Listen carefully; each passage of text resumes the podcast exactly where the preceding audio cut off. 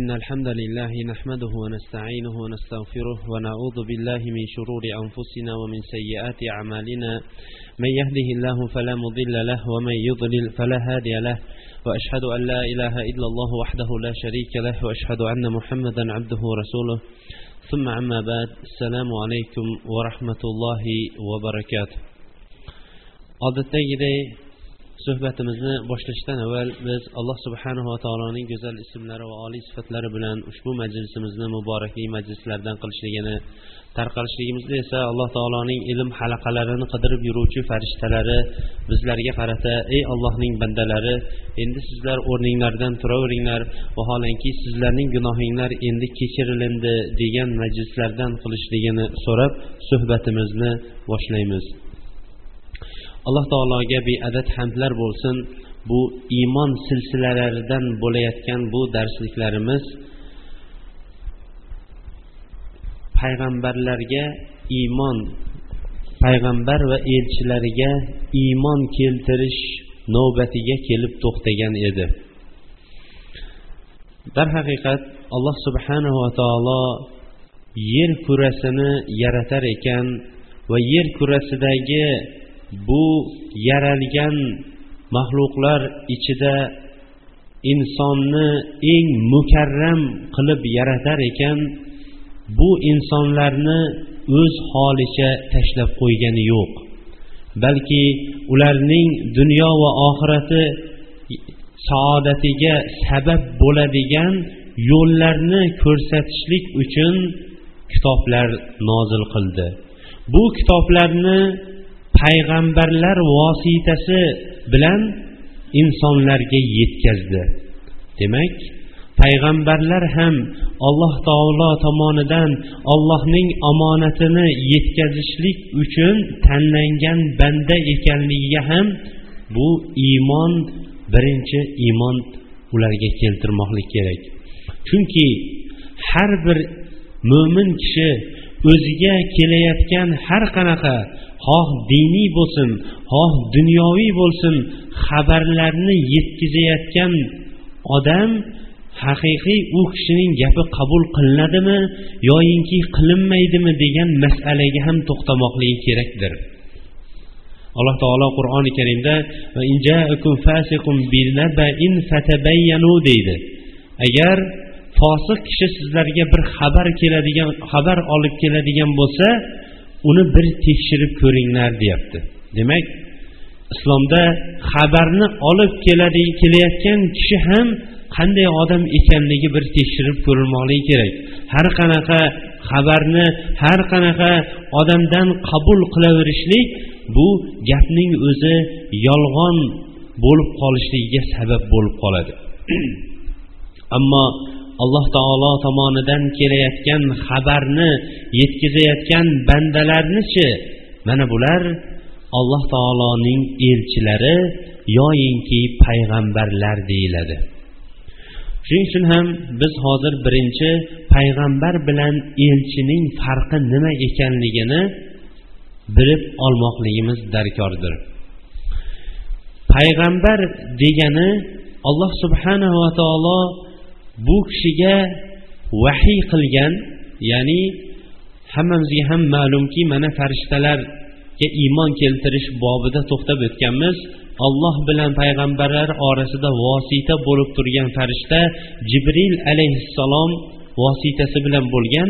Jibril alayhissalom olloh tomonidan xabarni olib kelganu lekin uni yetkazishlikka buyurilinmagan kishi payg'ambar hisoblanadi.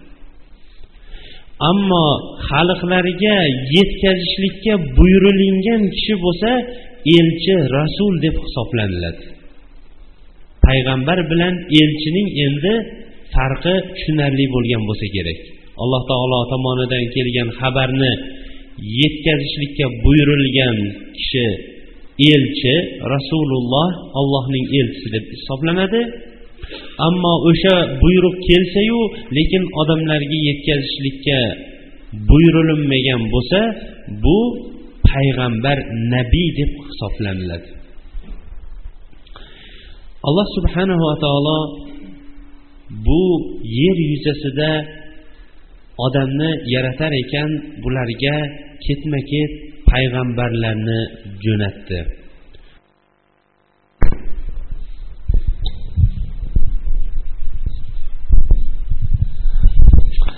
Bu payg'ambarlarning asosiy vazifalari alloh taolo tomonidan kelgan buyruqni to'liq xiyonat qilmagan va jamiki nuqsonlardan xoli bo'lgan holatda omonatni yetkazishlik edi. Alloh subhanava taolo shunchalik ko'p rahmli zot ediki har bir qavmga o'zining elchilarini jo'natdi. Bu haqida alloh subhanahu va taolo bizlarga shunday deydi. Va immin ummatin illa khala fiha nadir qaysi bir ummat bo'lmasin bu ummatning hammasida bir ogohlantiruvchi o'tgandir. Darhaqiqat payg'ambarlarning soni nihoyatda ko'pdir. Ularning sonini yolg'iz ollohning o'zigina biladi. Lekin qur'oni karimda bizlarga bayon qilingani yigirma beshtagina payg'ambar bayon qilingan. Ammo ba'zi bir shaxslar esa ulardan tashqari ulamolar ichida ixtilofli payg'ambarmi payg'ambar emasmi degan ixtilofda. Inshaalloh vaqtimiz yetsa o'sha ixtilofga ham to'xtab o'tamiz. Payg'ambarlarning hammasini ham bizlarga qissa qilib bermaganligini alloh subhanahu va taolo g'ofir surasida shunday deydi ولقد أرسلنا رسول ولقد أرسلنا رسلا من قبلك منهم من قصصنا عليك ومنهم لم نقصص عليك biz sizdan avval elchilarni jo'natdik lekin o'sha elchilarning ba'zilarini siz, sizga qissa qilib berdik ba'zilarini esa qissa qilib bermadik deydi Demak qur'oni karimda nomi zikr qilingan payg'ambarlar bu jamiki payg'ambar emas. Ulardan boshqa payg'ambarlar ham o'tgan lekin alloh taolo ularni bizlarga qissa qilib bermagan. Ammo qissa qilib berishlikdan asosiy hikmatlarining bittasi ularning ham insonlarni ollohga da'vat qilganliklari va bu da'vatdagi mashaqqatlarni chekkanliklari va ularning da'vatlarining asosi nimadan bo'lganliklari va ularning o'sha da'vat asnosida chekkan mashaqqatlarini biz ham o'qib o'rganib bizlarga tasalli bo'lishlik uchun ham mana buni bizlarga bayon qilib alloh taolo qur'oni karimda qissa qilib bergandir ularning tarixini. Alloh taolo keyingi oyatda valikulli ummatin rasul deydi ya'ni har bir ummatga bir elchi jo'natilindi darhaqiqat qur'oni karimda zikr qilgan zikr qilingan yigirma beshta payg'ambarlar ular odam nuh idris solih ibrohim hud lut yunus ismoil ishaq yaqub yusuf ayyub shuayb muso harun yasa zulkafil va davud zakariya sulaymon ilyos yahya isa va muhammad sollallohu alayhim ajmain. Alloh taoloning ularning jamisiga salotu salomlar bo'lsin. Mana bular qur'oni karimda ularning payg'ambar ekanligi nomi bilan zikr qilingan. Ammo nomi zikr qilinmaganliklari haqida va boshqa payg'ambarlar o'tganligi haqida tepadagi oyat bizga bayon qilinadi. Lekin nomi zikr qilinmaganligi uchun hech kimning haqqi yo'qki o'zining qavmidan yoyinki bir ulug'laridan bu ham o'sha payg'ambarlar qatorida deb nomini zikr qilib olishlikka haqqi yo'q. Shuning uchun ham biz payg'ambarlarga bo'lgan iymonimiz payg'ambarlarning soni nihoyatda ko'p lekin yigirma beshtasini qur'oni karimda zikr qilingan o'sha yigirma beshtasining nomlari bilan zikr qilinganiga qat'iy iymon keltiramiz. Nomi zikr qilinmaganga payg'ambar o'tgan deb iymon keltiramizu lekin o'zimiz tomonimizdan u o'sha falonchi payg'ambar deb turib olmaymiz. Chunki bu bizlar uchun qorong'u bo'lgan narsa. Ko'pchilik xalqlar o'zlarining xalqlari millati ichida bir qahramonlar va botirlar o'tganligini o'zining tarixini ulug' yozishlik uchun zikr qiladida va oxirida payg'ambar ham bo'lganti degan iboralarni ham qo'shib qo'yadi. Bu payg'ambarlarga bo'lgan iymondagi tuhmat bo'ladi va iymonga bo'ladigan halaldir. Xuddi biz payg'ambarlarning hammasiga ham bir xil iymon keltirganimizga o'xshash ularning birontasiga ham kofir bo'lmaymiz. Inshaalloh bu haqida suhbatimiz asnosida to'xtab o'tamiz. Alloh subhanava taolo bu yigirma beshta payg'ambarni qur'oni karimda ba'zi o'rinlarda ko'pchiligini ba'zi o'rinlarda esa alohida alohida ba'zi o'rinlarning qissalarini esa takror takror suratda zikr qilib keldi. O'sha ismi zikr qilingan payg'ambarlarning ko'proq bu voqeasi qissasi zikr qilingan payg'ambarlar buning bittasi bu muso alayhissalomdir. Chunki yer yuzida fir'avnchalik tug'yon ko'targan tug'yoni esa o'zini ilohlikkacha davo qiladigan bu tug'yonkor zolim o'tmagan. Shuning uchun ham ulamolar likulli fir'avnin musa likulli musa fir'avn degan iborani olib kelishgan. Ya'ni har bir asrda bir fir'avn o'tadi o'sha fir'avnga haqiqatni yetkazuvchi muso ham topiladi deb turib bu muso alayhissalom bilan fir'avn zarbul masal odamlar orasida misol keltiradigan darajaga ham yetgan. Bizlarning payg'ambarlar tomonga bo'ladigan iymonimiz ularning butun olib kelgan yo'llari to'g'ri ekanligiga iymon keltirishligimiz risolati payg'ambarligiga umuman tafsilan iymon keltirishligimiz vojibdir. Bu degani ya'ni ularning birontasi ko'ldaran qilsa ularning birontasining payg'ambarligini yoki elchiligini inkor qilmaymiz. Chunki payg'ambarlar xuddi bir bir biriga ulanib ketgan ulama zanjiriga o'xshaydi. Tasavvur qiling ulama zanjirning biron bir qismi uzilib qoladigan bo'lsa zanjir uzilib qolganga o'xshash payg'ambarlar ham bir birlari uchun aka uka iymon keltirishlik esa vojib bo'lgan ulama iymondir. Shuning uchun ham payg'ambarimiz sollallohu alayhi vasallam oxirgi payg'ambar odam alayhissalomga vahiy qilinganu lekin yetkazishlik buyurilmagan. Ammo elchilarning eng birinchisi butun ulamolarning ittifoqi bilan nuh alayhissalomdan boshlanadi. Mana bu payg'ambarlarning hammasiga ham tafsilan ya'ni umumiy iymon keltirishlik bizlar uchun vojib bo'lgan amallarning bittasi hisoblanadi. Payg'ambarlar ichida alloh subhanava taolo ba'zilarini ba'zilaridan afzal qildi. Va ularning ba'zilarini ulul azmi minar rusul ya'ni buyuk darajadagi payg'ambarlar ichidagi qattiq o'zlarining azmu qarorlari buyuk bo'lgan payg'ambarlar deb nomladi. Ular beshtadir. Ularning birinchisi payg'ambarimiz sollallohu alayhi vasallam va ibrohim va muso va nuh va iso alayhissalotu vassalam.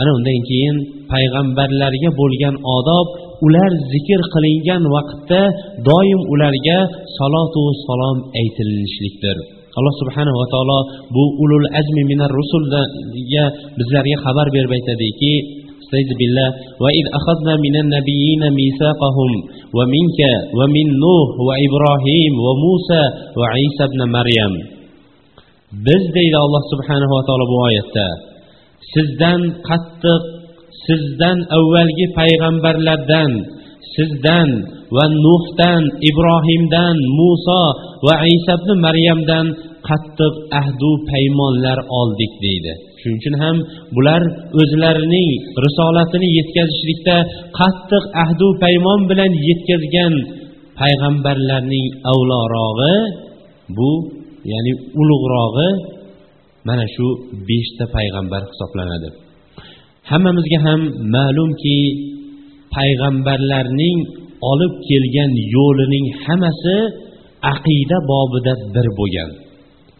Ularning hammasining olib kelgan yo'li bandalarga qachon bir qavm o'zgarib alloh taologa bo'lgan ibodatini tark qilib tog'u toshlarga butlarga qabristonlarga qo'yingki boshqa narsalarga ularning ibodati o'girilib ketayotgan vaqtda alloh taolo darrov ularga payg'ambar jo'natib turib yolg'iz ollohning o'zigagina ibodat qilishligi vojib ekanligini boshqalarga ibodat qilishlik esa bu shirik alloh taolo harom qilgan amal ekanligini bildirishlik uchun jo'natilingan.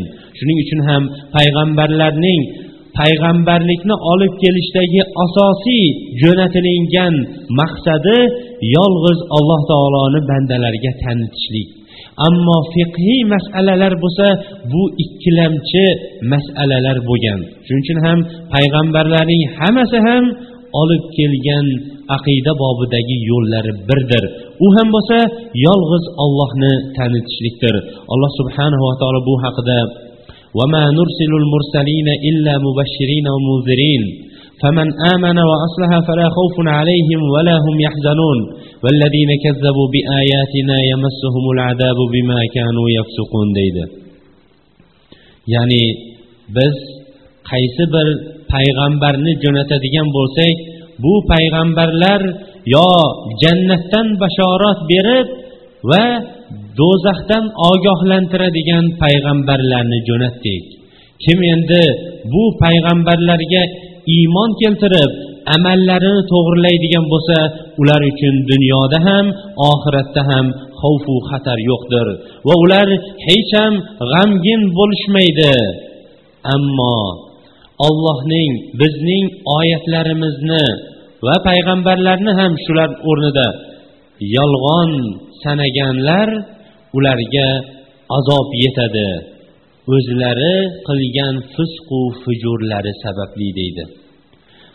billah keyingi oyatda وما أرسلنا من قبلك من رسول إلا نوحي إليه أنه لا إله إلا أنا فاعبدون biz sizdan avval qaysi payg'ambarni jo'natmaylik unga ollohdan boshqa ibodat qilishlikka haqli iloh yo'qdir.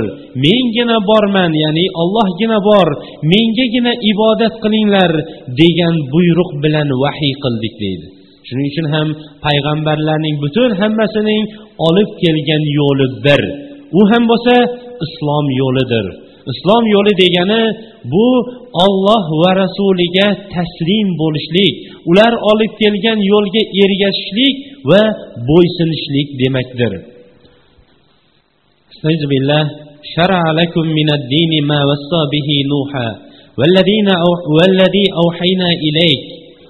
وما وص وما وصينا به إبراهيم وموسى وعيسى أن أقيموا الدين ولا تتفرقوا فيه. sizlarga vasiyat dinda vasiyat qilingan narsa nuhga ham vasiyat qilingan edi. Va sizdan sizga vahiy qilingan narsa ibrohim muso iso alayhissalom bularga ham vasiyat qilingan din edi. Bu dinning asosiy asosiy bu dindagi narsa dinni barpo qilinglar. Dinni barpo qilishlikdagi masala payg'ambarlar olib kelgan yo'lga iymon keltirib payg'ambarlarning yo'liga ergashib turib ollohning o'zigagina ibodat qilishlik va dinda firqa firqa bo'lib ketmaslik edi dinda firqa firqa bo'lib ketmanglar dedi keyingi oyatda alloh subhanahu va taolo billah ولقد بعثنا في كل أمة رسولا أن يعبدوا الله واجتنبوا الطاغوت mana bu oyat har bir mo'min kishi uchun payg'ambarlar tomoniga bo'lgan e'tiqodidagi qoida bo'lmoqligi kerak Bu oyatda alloh subhanava taolo biz har bir ummatga elchi jo'natadigan bo'lsak unga ollohgagina ibodat qilinglar. Tog'ut turli ollohdan boshqaga ibodat qilinadigan turli narsalardan chetlaninglar deb biz vahiy qildik deyapti. Mana bu payg'ambarlarning asosiy muhimmasi mana shundan iborat bo'lgan. Ammo fiqhiy masalalarda ularning ba'zilari ba'zilaridan farqli bo'lgan. Chunki asosiy maqsad yer yuzidagi butun bashariyatning yaralishidagi asosiy maqsad bu ollohning o'zigagina ibodat qilishlikdir. Va unga biron bir narsani sherik qilmaslik fiqhiy masala bo'lsa bu ikkilamchi bo'lgan masala hisoblanardi. Yana payg'ambarlarga iymon keltirish bobidagi vojib bo'lgan amallarning bittasi jamiki payg'ambarlar olib kelgan narsani tasdiqlashlikdir. Inson birinchi ularga iymon keltirib ya'ni haqiqatdan ham alloh subhanava taolo ularni jo'natgan deb iymon keltirganidan keyin ular olib kelgan yo'lni ular olib kelgan buyruqni ular olib kelgan qaytarmalarning hammasini tasdiqlashlik bu har bir mo'min ya'ni olloh va rasullariga iymon keltirgan mo'minlar uchun vojib bo'lgan amal hisoblanadi. Ammo kim ularning ba'zilariga iymon keltirib ba'zilariga esa iymon keltirmaydigan bo'lsa xuddi biz tepada aytganday agarchi hamma payg'ambarlarga iymon keltirib turib ichida birontasiga iymon keltirmaydigan bo'lsa bu kishining iymoni iymon hisoblanmaydi alloh subhanava taolo bu haqida ويريدون أن يفرقوا بين الله ورسله ويقولون نؤمن ببعض ونكفر ببعض ويريدون أن يتخذوا بين ذلك سبيلا أولئك هم الكافرون حقا deydi ya'ni olloh va uning elchilariga kofir bo'ladiganlar va olloh bilan uning elchilari orasini ajratadiganlar allohga iymon keltiramizu elchilarga iymon keltirmaymiz deydiganlar va shuningdek ularning ba'zilariga payg'ambarlarga ham iymon keltiramizu lekin hammasiga emas ba'zilariga iymon keltirib ba'zilariga kofir bo'lamiz deb turib mana bu o'rtadan yo'l oladigan ba'zilariga iymon keltirib ba'zilariga iymon keltirmaslikni o'zlariga yo'l qilib olganlar ular haqiqiy kofirlar. Muso alayhissalom kelgan vaqtida banu isroildan ahdu paymon olgan edi. Bu ahdu paymon o'zidan keyin keladigan ismi yo ahmad yo muhammad ismli keladigan payg'ambarga iymon keltirishlik edi. Shuning uchun ham banu isroil bu arab jaziraligidan keladigan payg'ambarni ular nihoyatda sifatlarini ular yaxshi bilishardi. Qur'oni karim bizlarga buning ma'lumotini berib aytadiki ular o'zining o'g'il bolalarining sifatidan ko'ra payg'ambarimiz alayhissalomning sifatini ular shunchalik yaxshi bilardi. Darhaqiqat inson o'zining farzandi bo'lib ham o'g'il bola farzandining bu sifatlarini qiliqlarini nima narsani yaxshi ko'rishiyu nima narsani yomon ko'rishining hammasini ota yaxshi biladi. Lekin banu isroilga payg'ambarimiz alayhissalomning sifatlari shunchalik keng mo'l qilib berilgandiki hattoki banu isroil bundan keyin o'zining safarlarini bu arab jaziraligiga qarab turib cho'za boshladi. Ba'zilar haybarga kelib to'xtadi ba'zilari esa madinaga kelib to'xtadi. Madinaning nariyog'iga makkaga o'tishganlari yo'q chunki ular bilardi mana shu o'rindan endi oxirgi payg'ambar kelishliklarini. Madinaga uchta banu isroilning qabilalari tushgan edi. Ular o'zlaridan bo'lishligini xohlardi bu payg'ambar. Lekin qachon payg'ambar zohir bo'lishgan bo'lganda? Payg'ambar esa o'zlari kutgan payg'ambaru lekin arablardan bo'lib qolganligi uchun ular bundan yuz o'girishdi va shu bilan qur'on va hadis lafzi bilan ular kofir bo'lishdi. Ular barcha payg'ambarlarga iymon keltirgan edi lekin payg'ambarimiz alayhissalomga iymon keltirmaganligi uchun kofir bo'lishdi.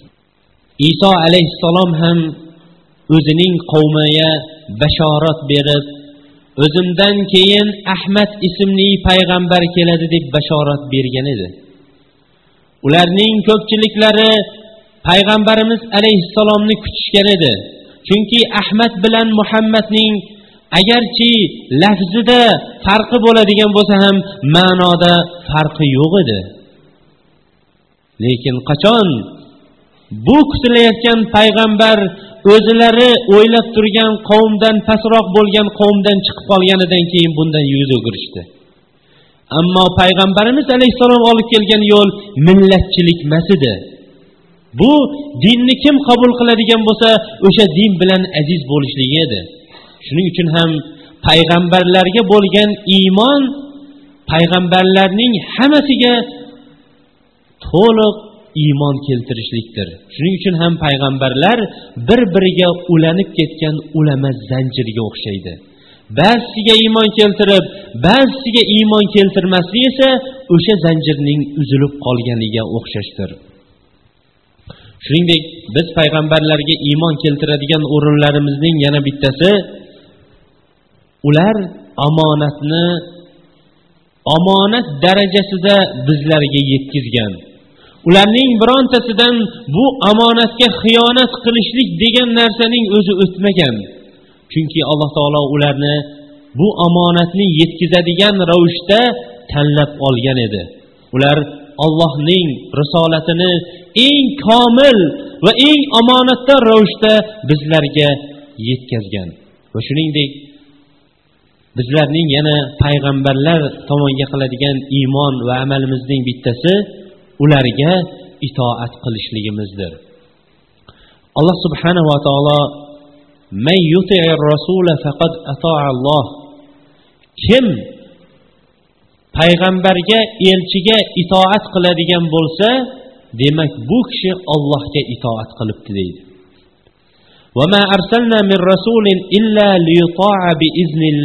Deydi keyingi oyatda.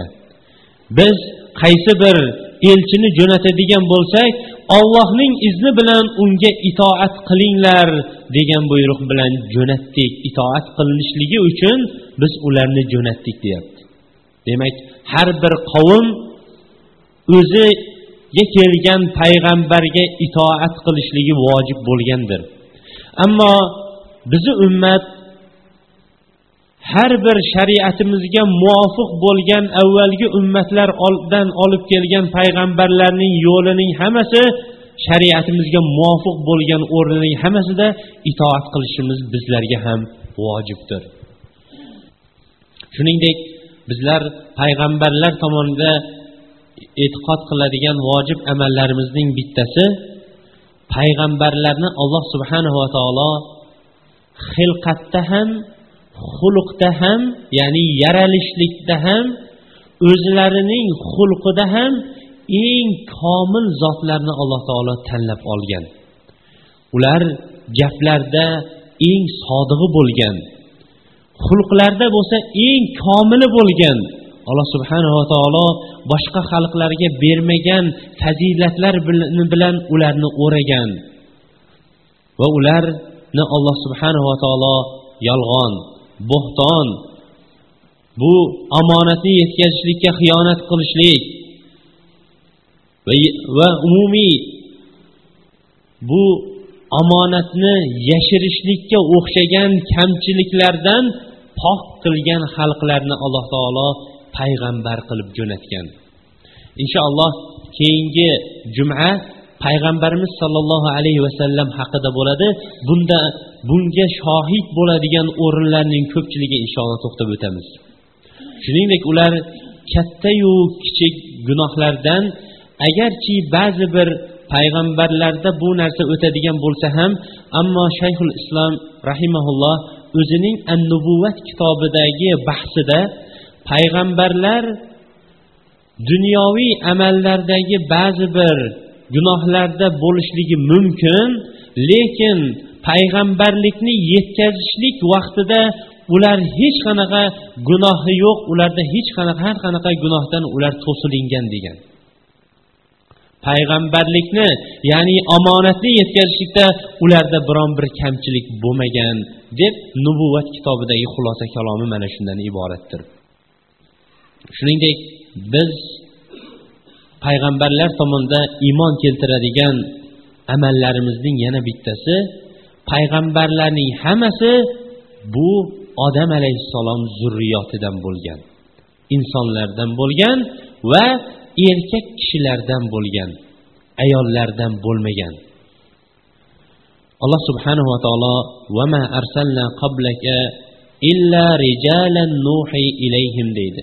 Ya'ni biz sizdan avval payg'ambar jo'natadigan bo'lsak erkaklar erkak kishilarga vahiy qilib jo'natgan edik deydi. Alloh taologa beadad hamdlar bo'lsin.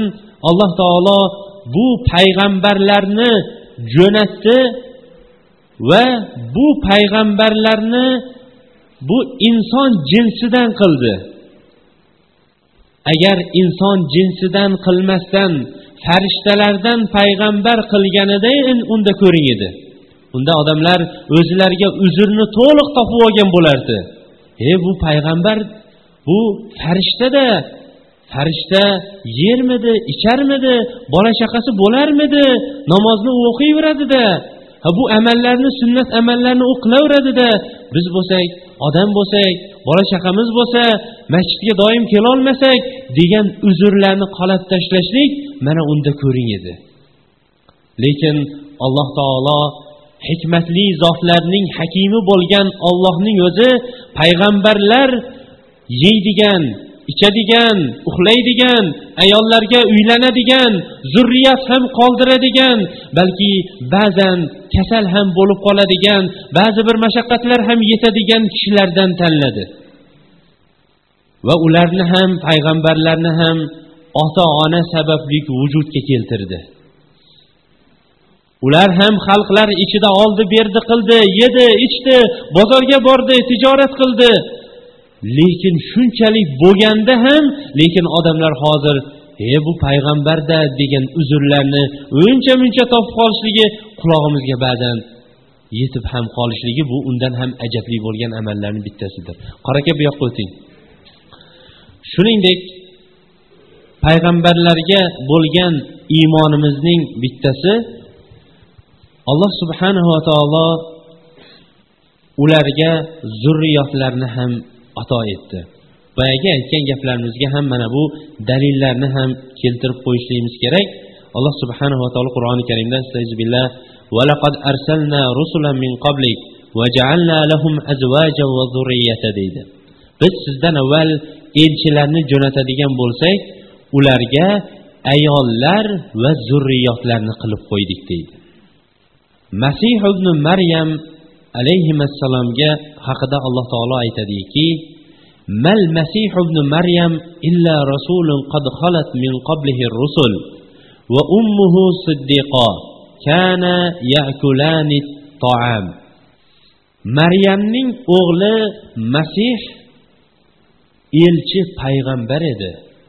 Undan avval ham payg'ambarlar o'tgan edi va uning onasi maryam siddiqa sodiq edi. Ularning ikkovlari ham ovqatlanishardi taom tanovul qilishardi deyapti. Bu oyatdan bizlarga ma'lum bo'ladiki iso alayhissalom iloh emas.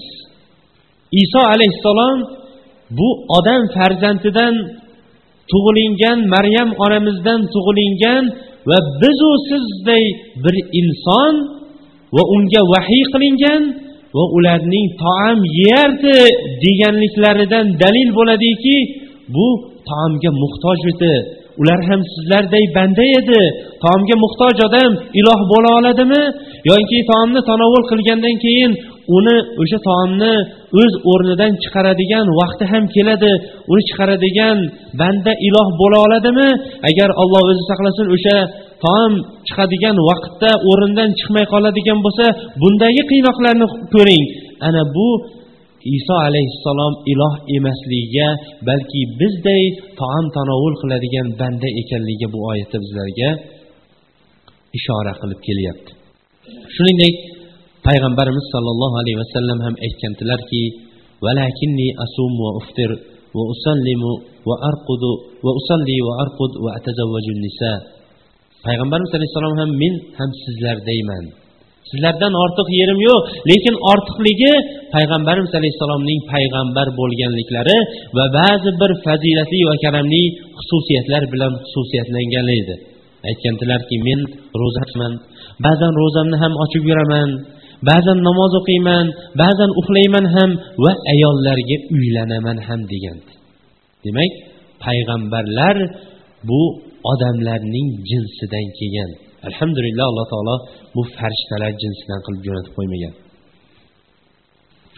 Shuningdek payg'ambarlarga iymon keltirish o'rnida eslatib ham o'tishligimiz kerakki biz ularga ba'zi bir xususiyatlari bor o'shalarga iymon keltiramiz. Ammo ularda ilohiy xususiyatlar bor deb iymon keltirmaymiz. Ular koinotni boshqaradi yoyinki insonlarga manfaatu va zararni olib keladi deb ularga iymon keltirmaymiz. Balki ular g'ayibni ham ular bilmaydi modomiki olloh bildirmaydigan bo'lsa. mana bu payg'ambarlarga bo'lgan iymonimiz shunchalik bo'ladigan bo'lsa hozir koinotni boshqarib turibdi nima qilayotganimizni ko'rib turibdi deb valiylariga g'uluv ketgan so'filarning ahvolini endi ko'ravering alloh subhanava taolo payg'ambarimiz alayhissalomga xitob qilib turib قل لا أملك لنفسي نفعا ولا ضرا إلا ما شاء الله ولو كنت أعلم الغيب لاستكثرت من الخير وما مسني السوء in ana illa nadirun va bashirun liqomi yu'minun deb ayting deb buyruq berdi. Ya'ni ayting ayting ey muhammad alayhissalom ayting men o'zim uchun foyda ham zarar ham keltira olmayman magar ollohning xohlagani bo'ladi deb ayting deydi. Demak payg'ambarimiz sollallohu alayhi vasallam o'zi uchun foyda ham zarar ham keltira olmaydigan bo'lsa allohning irodasidan tashqari bu endi boshqalarning ahvolini endi ko'ravering. Yana aytingki agar men g'ayibni biladigan bo'lganimda yaxshilikni ko'paytirib yuborgan bo'lardim deb ayting. Ya'ni g'ayibni bilmayman deb ayting va menga biron bir yaxshi yomonlik ham kelmasdi deb ayting. In ana illa nadir.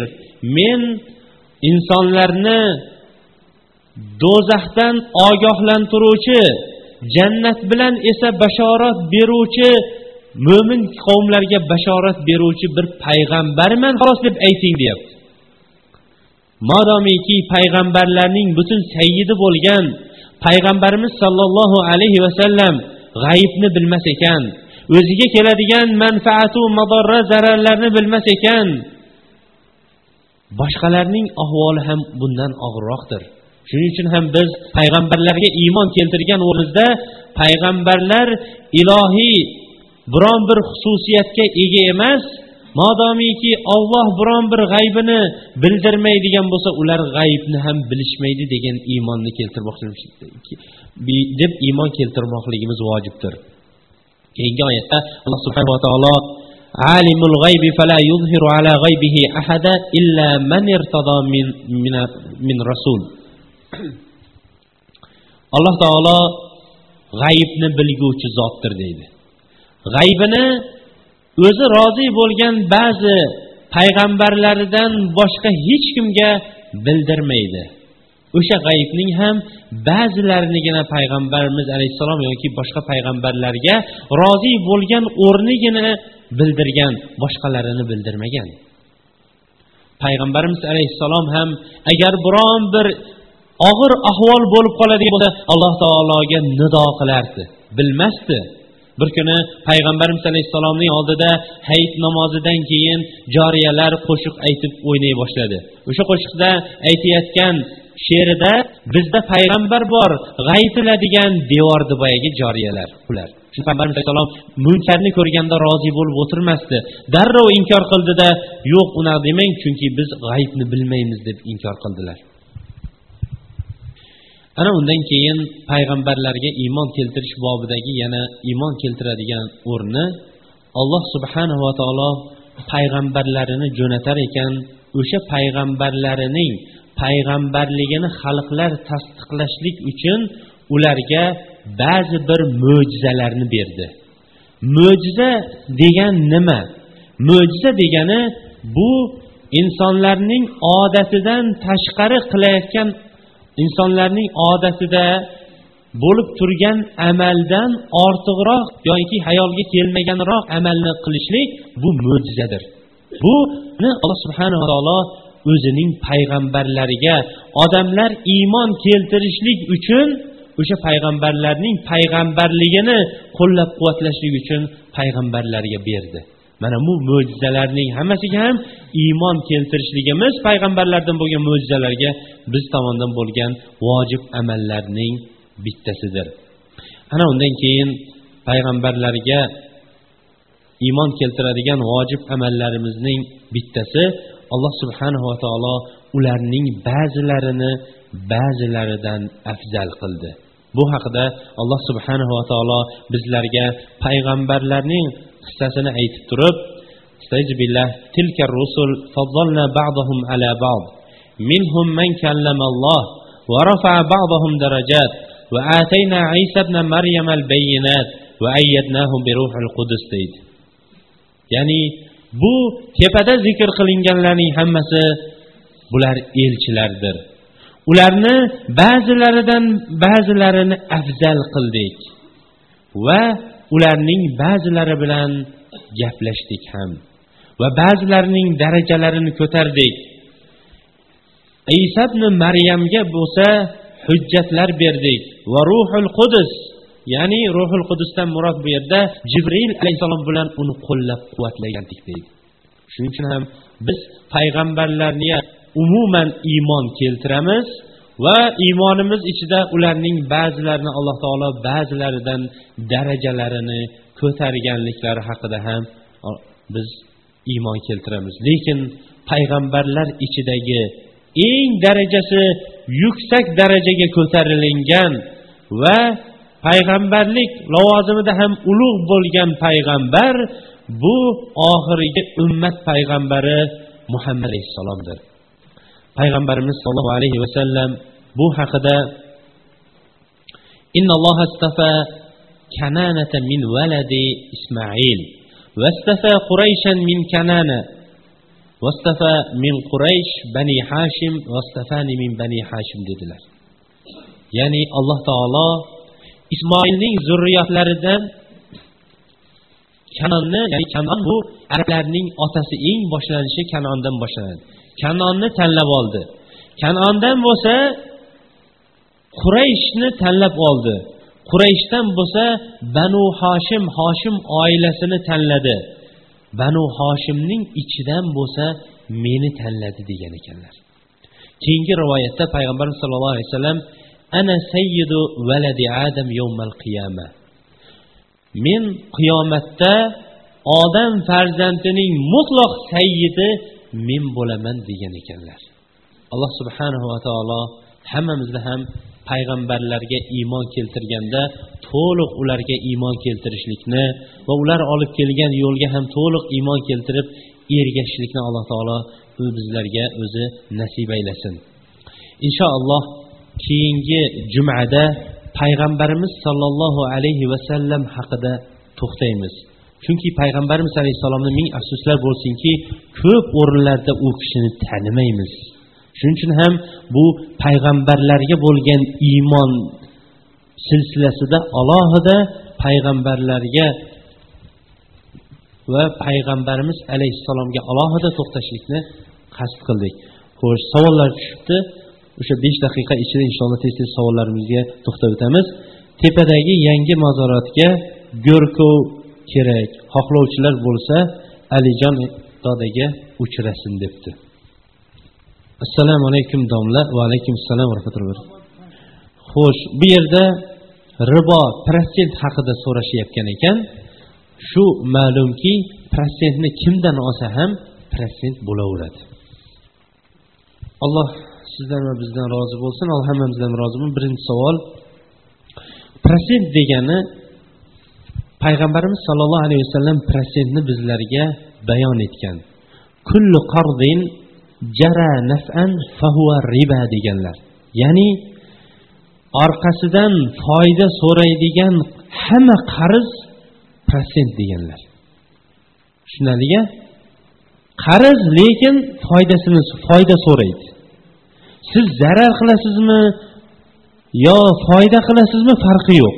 Ammo o'rtada turib sherikchilik bo'ladigan bo'lsa sherikchilik xoh tengma tengiga xoh bir tomon ko'proq xoh bir tomon ozroq bu shariatimiz ya'ni bunga yo'llagan amal hisoblanadi. Ammo har qanaqa yo'l bilan foyda qilasizmi qilmaysizmi lekin orqasidan protsent so'raladigan qarz bu protsent hisoblanadi buni shariatimiz qaytargan. Assalomu alaykum va rahmatulloh va alaykum assalom va rahmatullohi va barakatuh. Karta pulga o'ynamasdan o'zimiz o'ynasak bo'ladimi bo'lmaydimi debdi. Tushunmayapmiz bu agar shunday o'yinlar bor ba'zi bir o'yinlar bor bu o'yinlar masalan ko'pchilik futbol o'ynaydi. Hozir ming afsuski ba'zi bir futbolni ham pulga tikadiganlar bo'libdi umumiy qumor degani bu albatta pul tikib yoki biron bir narsa tikib o'ynashlik bu shariatimizda qaytarilgan. Ammo karta o'ynashlikdan ham bu agar pulga tikilmaydigan bo'lsa baribir vaqtini bekor o'tkazishlik bo'lib qoladi. Shuning uchun ham birodar buning o'rniga biron bir oyat yoki biron bir payg'ambarimiz alayhissalomning hadisini yodlashlikka yo hech bo'lmasa hovlidagi qorlarni chiqarib qo'yishlikka bu manfaatli ishlarga inson o'zini urishligi kerak.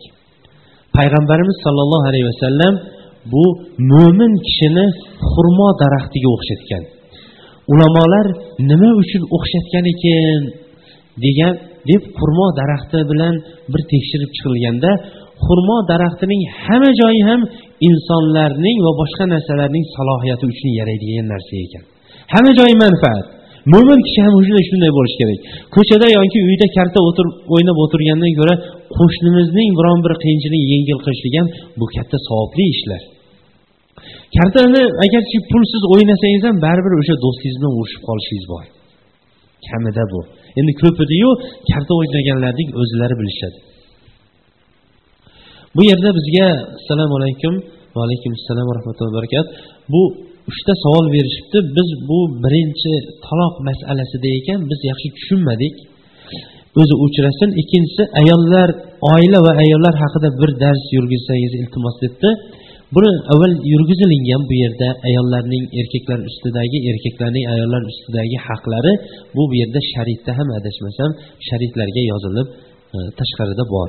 Va inshaalloh e, vaqti kelsa yurgizishlik yana niyatimiz yo'q emas yo'ldan o'tib ketayotganda deydi uchinchi savolida avliyolarga duo qilish haqida. Bu avliyo bo'lsin boshqa bo'lsin umumiy qabrlarga biz duo qilishligimiz sunnat hisoblanadi.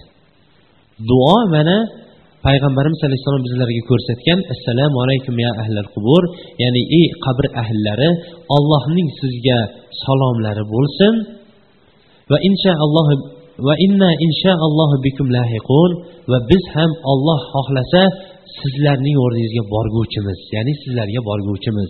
Biz ham bir kuni o'lguvchimiz va borgan vaqtimizda ham va undan avval keyin ham sizlarga va bizlarga ollohdan ofiyat so'raymiz deb duo qilishlik bu sunnat amaldir. Duo albatta qiblaga qarab qiladi qabrdan so'ragan holatda qilinmaydi. Bu savol nihoyatda uzun ekan buni o'qib chiqqunimizcha ham ko'pchilikning sovuqdagi vaqti bo'lib qoladi. Shuning uchun ham bu ukamiz bu o'n to'rt yashar bolaman debdi. Alloh taolo bu ukamizni ham bu namozlarga kelishlikda o'zi sobit qadam qilsin.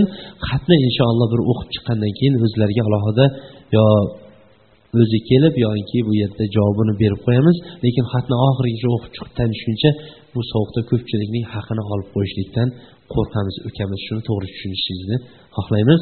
Alloh subhanava taoloning go'zal ismlari va oliy sifatlari bilan hammamizni ham iymonimizni mukammal iymonlardan qilsin. Alloh subhanava taolo o'sha iymonimizga muvofiq amal qilishlikka iymonimizga muvofiq amal qilishlikka hammamizga ham alloh o'zi nasib aylasin alloh subhanava taolo xonadonimizni iymon va amal solih bilan o'tganlarni ularni gunohlarini kechirib savol javoblarni yengil qilib qabrlarini jannat bog'chalaridan bir bog'chaga aylantirsin. Alloh subhanava taolo bu o'zining toatida safimizni yana ham ko'paytirsin. Bu namozning farzligini bu namoz insonlarni musulmonlar safiga kiritishlik bilmay yurganlarni alloh taolo o'zi namozga yetaklasin. Alloh subhanava taolo bu bemorlarimizga o'zi shifo bersin. Tamomiy shifosini o'zi ato etsin. Alloh subhanava taolo qarzdor birodarlarimizni qarzlarini o'zi o'tasin. Befarzandlarni alloh taolo farzand ato etsin. Nimaiki dard bilan dardlanayotgan nimaiki muammo qilganlarni alloh taolo o'zlari o'zi muammolarini o'zi yengil qilsin.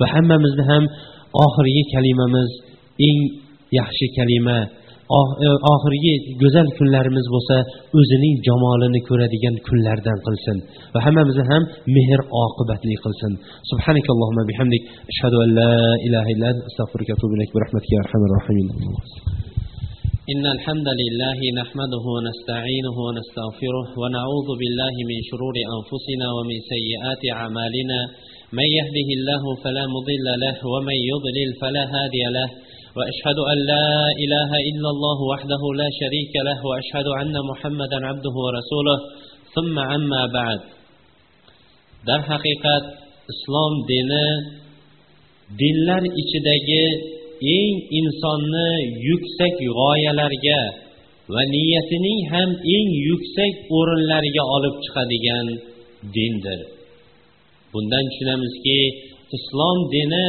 insonlarni ham diniy tomondan ham dunyoviy tomondan himmatlarini oliy qiladigan va oliy himmatlarga yetkazadigan dindir. Darhaqiqat bugungi kunda ko'pchiligimiz dunyoviy himmatlarimizni oliy qilganmiz. Dunyoviy himmatlarimiz agar kecha biz minib turgan sayyoralarimiz kechagi sayyoralar bo'ladigan bo'lsa bugungi sayyoramiz endi oxirgi chiqqan yangi modeldagi sayyoralar. Kecha agar biron bir arzimagan sayyorani minib turgan bo'lsak bugun endi minib turgan sayyoramiz mers bo'ladigan bo'lsa ertaga minmoqchi bo'lib turgan sayyoramiz bu jip deydigan bo'lsak bu dunyoviy bo'lgan himmatimiz bo'ladigan bo'lsa xuddi uxroviy ya'ni oxiratga bo'ladigan himmatimiz ham xuddi shunday bo'lishligi kerakdir. Buni bizga qur'oni karim va payg'ambarimiz alayhissalomning hadislari va sahobalarning amallari nihoyatda ko'p ko'rsatgandir. Tarixda biz hali ham ta'kidlab o'tganda fir'avnchalik zolim o'tgan emas. Lekin o'sha zolimning ayoli osiya mo'mina ayol bo'lgan. Lekin mo'mina ayol bo'lganligi o'zi bizlarga ko'p manfaat bermaydi. Undan ham ko'proq o'zi ko'p manfaat berardi. Lekin undan ham bizlarga ko'proq manfaat beradigan o'rni bu ayolning ulug' himmati ming afsuslar bo'lsinki bugungi kunda ko'pchiligimizning himmatimiz o'lib qolgan dunyoviy narsada uyg'onayotganu lekin diniy narsada himmatimiz uxlab qolayotgan bir vaqtda yashayapmiz. Bu ayol ollohga fir'avnning zulmi bo'lgan vaqtda bir duo qilgan ekan. Duosida iloyo menga o'zingning oldingdan jannatdan bir qasr qur deb duo qilgan. Mufassirlar aytadiki bu ayolning himmati shunchalik oliy bo'ldida iloyo menga o'zingning oldingdan deb to'xtab qoldi deydi. O'zingning oldingdan qasr qur deyishlikka bu noodob odobsizlik bo'ladi deb turib ana undan keyin baland turgan himmatini yana ham undan pastroq bo'lsa ham lekin jannatga borib jannatdan dedi. Payg'ambarimiz sollallohu alayhi vasallam bizlarga himmatni oliy qilishlik bobida o'rgatgan o'gitlarining bittasi agar ollohdan jannatni so'raydigan bo'lsanglar firdavsni so'ranglar chunki firdavs jannatning eng o'rtasi va eng oliysi dedilar. Demak dindagi amallarimizdagi hamma narsa himmatning baland bo'lishligidadir. Niyatning ham xolis bo'lishligidadir. Niyatga ergashgan amalningdagi himmat ham baland bo'lishligidadir. Hozir hamma ham bir safda namoz o'qiganligi bilan lekin ularning niyatining turli bo'lishligi himmatining ham turli bo'lishligi bilan ularning savoblari ham turlicha bo'ladi. Hammamiz ham hozir juma namozini o'qiymiz. Lekin hammaning ham savobi birday bo'ladimi? Yo'q. Ularning himmatlari qanchalik oliy bo'ladigan bo'lsa ularning savoblari ham shunchalik oliy bo'ladi. Bir kuni payg'ambarimiz sollallohu alayhi vasallamning oldiga bir arobiy kishi keldi va payg'ambarimiz alayhissalom yoqalaridan tortdi. Payg'ambarimiz alayhissalom bizlarga o'xshagan yumshoq liboslar kiymagan edi.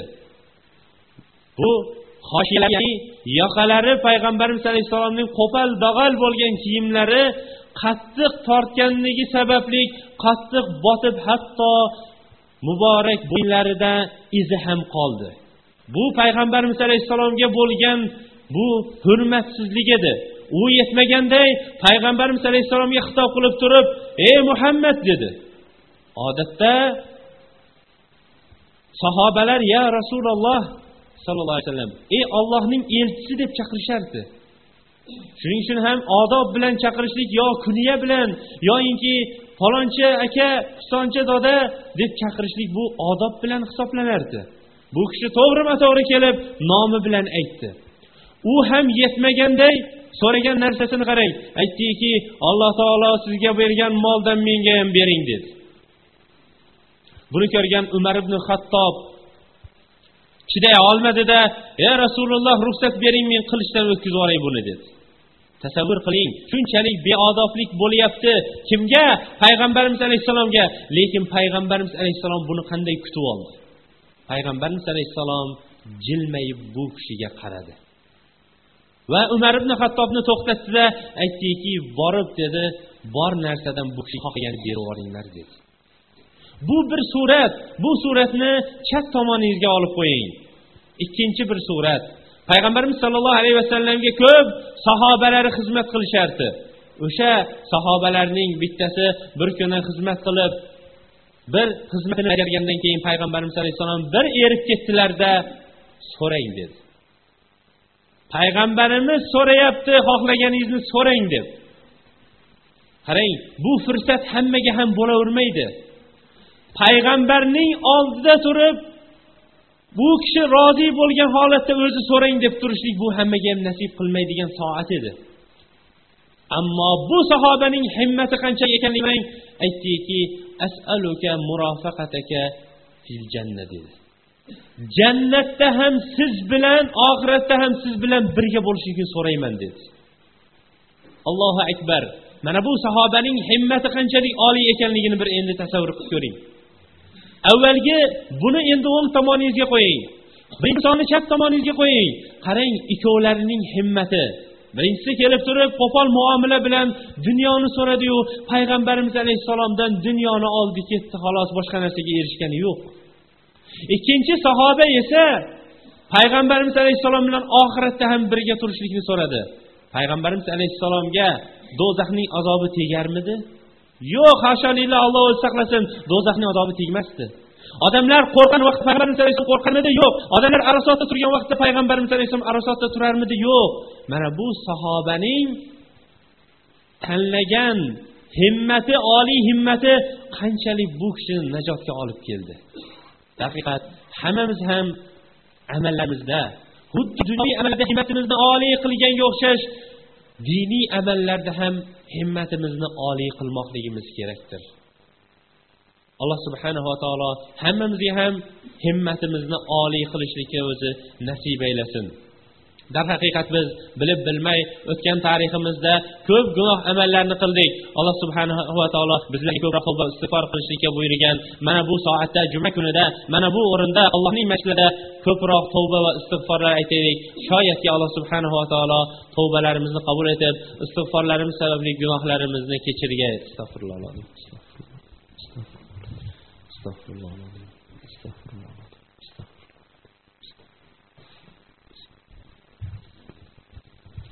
الحمد لله والصلاة والسلام على صحبه ومن اهتدى بهديه إلى يوم الدين payg'ambarimiz sollallohu alayhi vasallam o'ziga ko'p o'rinda salovat aytishlikka buyurgan shu o'rinda juma kunida va bir kuni payg'ambarimiz alayhissalom minbarga chiqdilarda amin amin amin dedilar sahobalar bu aminni nima uchun aytdingiz deganda menga jibril keldi va kim ota onasini ikkovini birontasini tirik holatda topib turib rozi qilolmasdan uning burni yerga ishqalansin amin deng deganda men amin dedim dedi.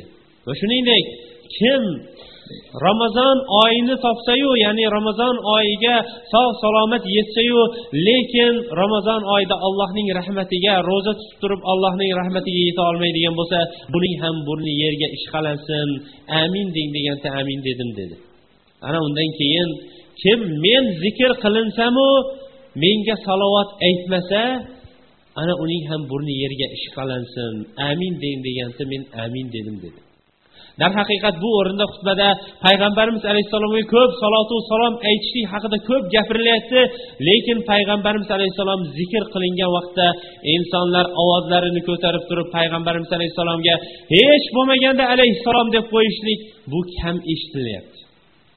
Payg'ambarimiz sollallohu alayhi vasallam eng baxil kishi kim deyilganda men zikr qilingan vaqtda menga salovat aytmagan kishi eng baxil kishi dedi. Shuning uchun ham baxil bo'lib qolmaylik. Payg'ambarimiz alayhissalomning haqiga duo qilgan vaqtda. Baxil bo'lib qolmaylik. Payg'ambarimiz alayhissalom nomi zikr qilingan vaqtda u kishiga salovat aytib qo'yishlikka. Payg'ambarimiz alayhissalom kim menga bir marta salovat aytadigan bo'lsa unga alloh taolo o'n marta salotu salovatlar aytadi degan. Alloh taolo qur'oni karimda innalloha va malaikatahu yusalluna ala nabiy ya ayyuhallazina amanu sallu alayhi va sallimu taslima deydi. albatta alloh taolo va farishtalari payg'ambarga salotu salomlar aytib turadi ey iymon keltirgan kishilar sizlar payg'ambarga ko'proq salotu salomlar aytinglar allohumma solli ala muhammad va ala ali muhammad kama sollayta ala ibrohim va ala ali ibrohim innaka hamidum majid اللهم بارك على محمد وعلى ال محمد كما باركت على ابراهيم وعلى ال ابراهيم انك حميد مجيد اللهم ارضى اللهم ارضى عن الخلفاء الراشدين المهديين والصحابة والتابعين وأتباعهم يا ذا الجلال والإكرام. اللهم اهدنا فيمن هديت وعافنا فيمن عافيت وتولنا فيمن توليت وبارك لنا فينا فيما أعطيت وقنا واصرف عنا برحمتك شر ما قضيت. ربنا لا تزغ قلوبنا بعد إذ هديتنا وهب لنا من لدنك رحمة إنك أنت الوهاب. اللهم أعز الإسلام والمسلمين وأذل الشرك والمشركين. اللهم احم حوزة الدين. اللهم احم حوزة الدين. اللهم استرنا بستر جميل في الدنيا والآخرة. اللهم استرنا بستر جميل في الدنيا والآخرة. اللهم استرنا بستر جميل في الدنيا والآخرة. اللهم يا رب المستضعفين نجي المستضعفين في العالم. اللهم يا رب المستضعفين نجي المستضعفين في العالم. اللهم يا رب المستضعفين نجي المستضعفين في العالم. اللهم أرنا الحق حقا وارزقنا اتباعه. وأرنا الباطل باطلا وارزقنا اجتنابه. وصلى الله تعالى خير خلق محمد وعلى آله وصحبه أجمعين. برحمتك يا أرحم الراحمين.